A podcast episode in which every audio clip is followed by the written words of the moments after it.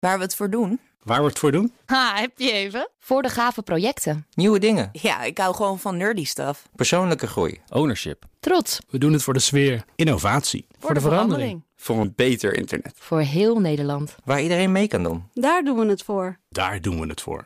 Waar doe jij het voor? Kom werken voor KPN en groei op jouw manier. Check de actuele vacatures op het gebied van data, security, development en networking op jobs.kpn.com/tech. Heel nat, dankjewel. Wetenschap vandaag. Altijd lekker om eventjes goed, goed te lachen gewoon hè, op zo'n eh, op zo'n dag. Heel waar. Uh, Carlijn Meinders die is inmiddels aangeschoven. Een nieuw plopkapje erop, Carlijn. Een heel goede middag. Hallo. Want chirurgie voor epilepsiepatiënten verbeteren met een computermodel... dat is waar onderzoekers aan hebben gewerkt. En daar gaan wij het met jou over hebben. Ja, zeker. Um, vandaag heeft dit onderzoek een prijs gekregen, een parel... van de Nederlandse Organisatie voor Gezondheidsonderzoek en Zorginnovatie.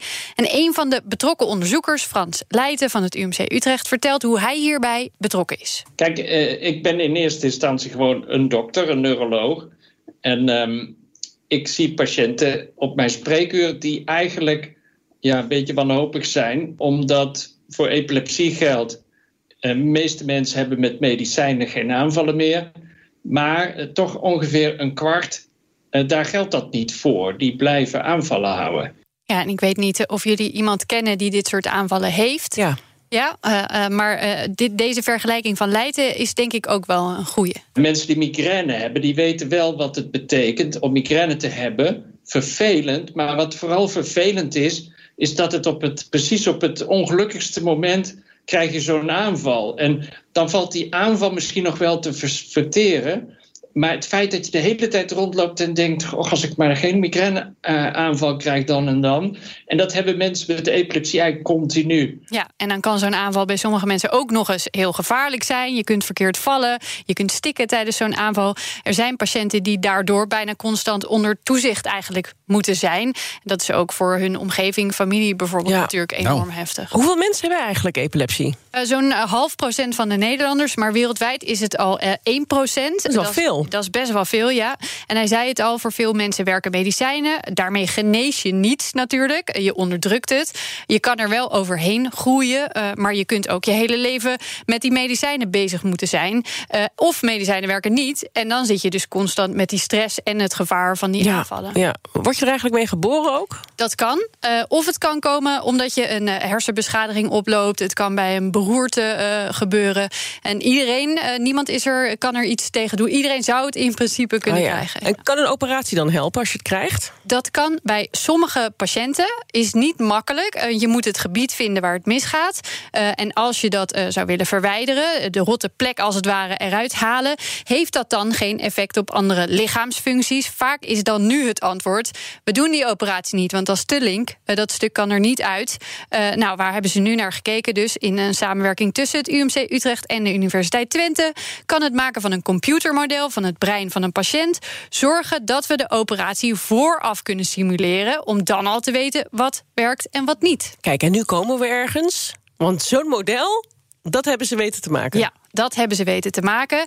Uh, er is nog wel de wens om het uit te breiden. Het wordt nu nog niet standaard gebruikt. Hè? Daarvoor is het nog te vroeg, maar het is veelbelovend. Oké. Okay. Um, wat maakt het eigenlijk, uh, zo'n model, hoe krijg je het eigenlijk voor elkaar? Ja, je kunt uh, de activiteit van de hersengebieden, die, worden sowieso al bekeken eigenlijk. Omdat je bijvoorbeeld een patiënt een week gaat monitoren om te kijken waar zit het bij jou. Hè? Kunnen we dat eventueel opereren? Dat gebeurt al. Um, die, die kennis die kun je ook in een model zitten. En dan kun je per, per patiënt gaan kijken, hè, per individuele patiënt. Ja. Uh, waar, waar, wat, waar gebeurt wat. Uh, dan kun je dat model gaan gebruiken om te kijken... nou, um, als ik dit stukje weghaal... Uh, zijn dan de klachten verholpen of niet? Oh ja. Um, uh, of um, ja, wat voor effect heeft dat op de activiteit in de hersenen? Zeg maar. maar snap ik het goed dat ze eigenlijk een soort digitale tweeling maken? Ja, ja het uh, gebeurt in de bouw natuurlijk, ook ja. digital twins. Ja. Uh, wat gaat deze aanpassing doen bij een constructie? Het gebeurt in klimaatmodellen, populatiedynamica, het voorspellen van hoe iets gaat lopen. Uh, dat is er nu ook hiermee gelukt. Wiskundige Heel Meijer van de Universiteit Twente vertelt wat er dan bijvoorbeeld mogelijk wordt. Als je dus dat pathologische, dat zieke gedrag in die modellen in de simulaties ziet, dan weet je, oké, ik heb niet genoeg weggehaald. En dat is eigenlijk ook de maat om te zeggen: ik moet dit ook meenemen of ik moet hiervan afblijven. En dat is de manier waarop deze uh, modellen ook werken. Je hebt echt een hele duidelijke vertaling van uh, normale en epileptiforme activiteiten. Dus aanvallen. En daarvan kun je dus ook redelijk eenvoudig zeggen: oké, er zitten aanvallen in. Blijkbaar is dit een ziek model. Ik haal dit weg. hey, nu zit dat er niet meer in. En dan is het nog altijd de vraag: mag het weggehaald worden? Want Frans kan heel goed zien: hey, er zit functie onder. Dit mag je niet weghalen. Ja, het model zelf weet dus niet alles. Je hebt nog steeds die artsen heel hard nodig. Um, maar het kan wel helpen, bijvoorbeeld bij gevallen die nu vrij uitzichtloos lijken. Want het levert ook nieuwe inzichten op. Een nieuwe manier van denken, noemde Leid het al. Want aan sommige dingen wordt nu gewoon niet gedacht. Soms kan het namelijk werken om de rotte plek te laten zitten, maar een verbindingje ergens anders in de hersenen af te sluiten. Oh ja. Dat kun je met zo'n model dan allemaal gaan uitproberen. Nou, lijkt me nog lastig om hier als de arts op te vertrouwen. Ja, uh, dit zal ook tijd vragen om iedereen ervan te overtuigen. Hè, van het nut van de veiligheid. Ook Leid te zijn ik moest heel erg wennen. Maar als je dan keer op keer ziet dat het goed kan voorspellen waar het misgaat. En dat klopt dan weer met wat er in een patiënt gebeurt. En je ziet dat het die nieuwe inzichten oplevert. En mogelijk daarmee een nieuwe manier om deze patiënten te behandelen.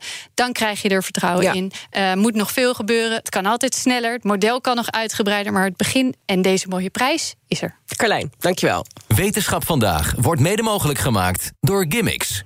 Gimmicks, your trusted AI partner.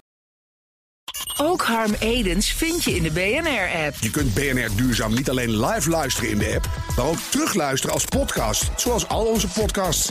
En naast dat de BNR-app Breaking News meldt, houden we je ook op de hoogte van het laatste zakelijke nieuws. Download nu de gratis BNR-app en blijf scherp.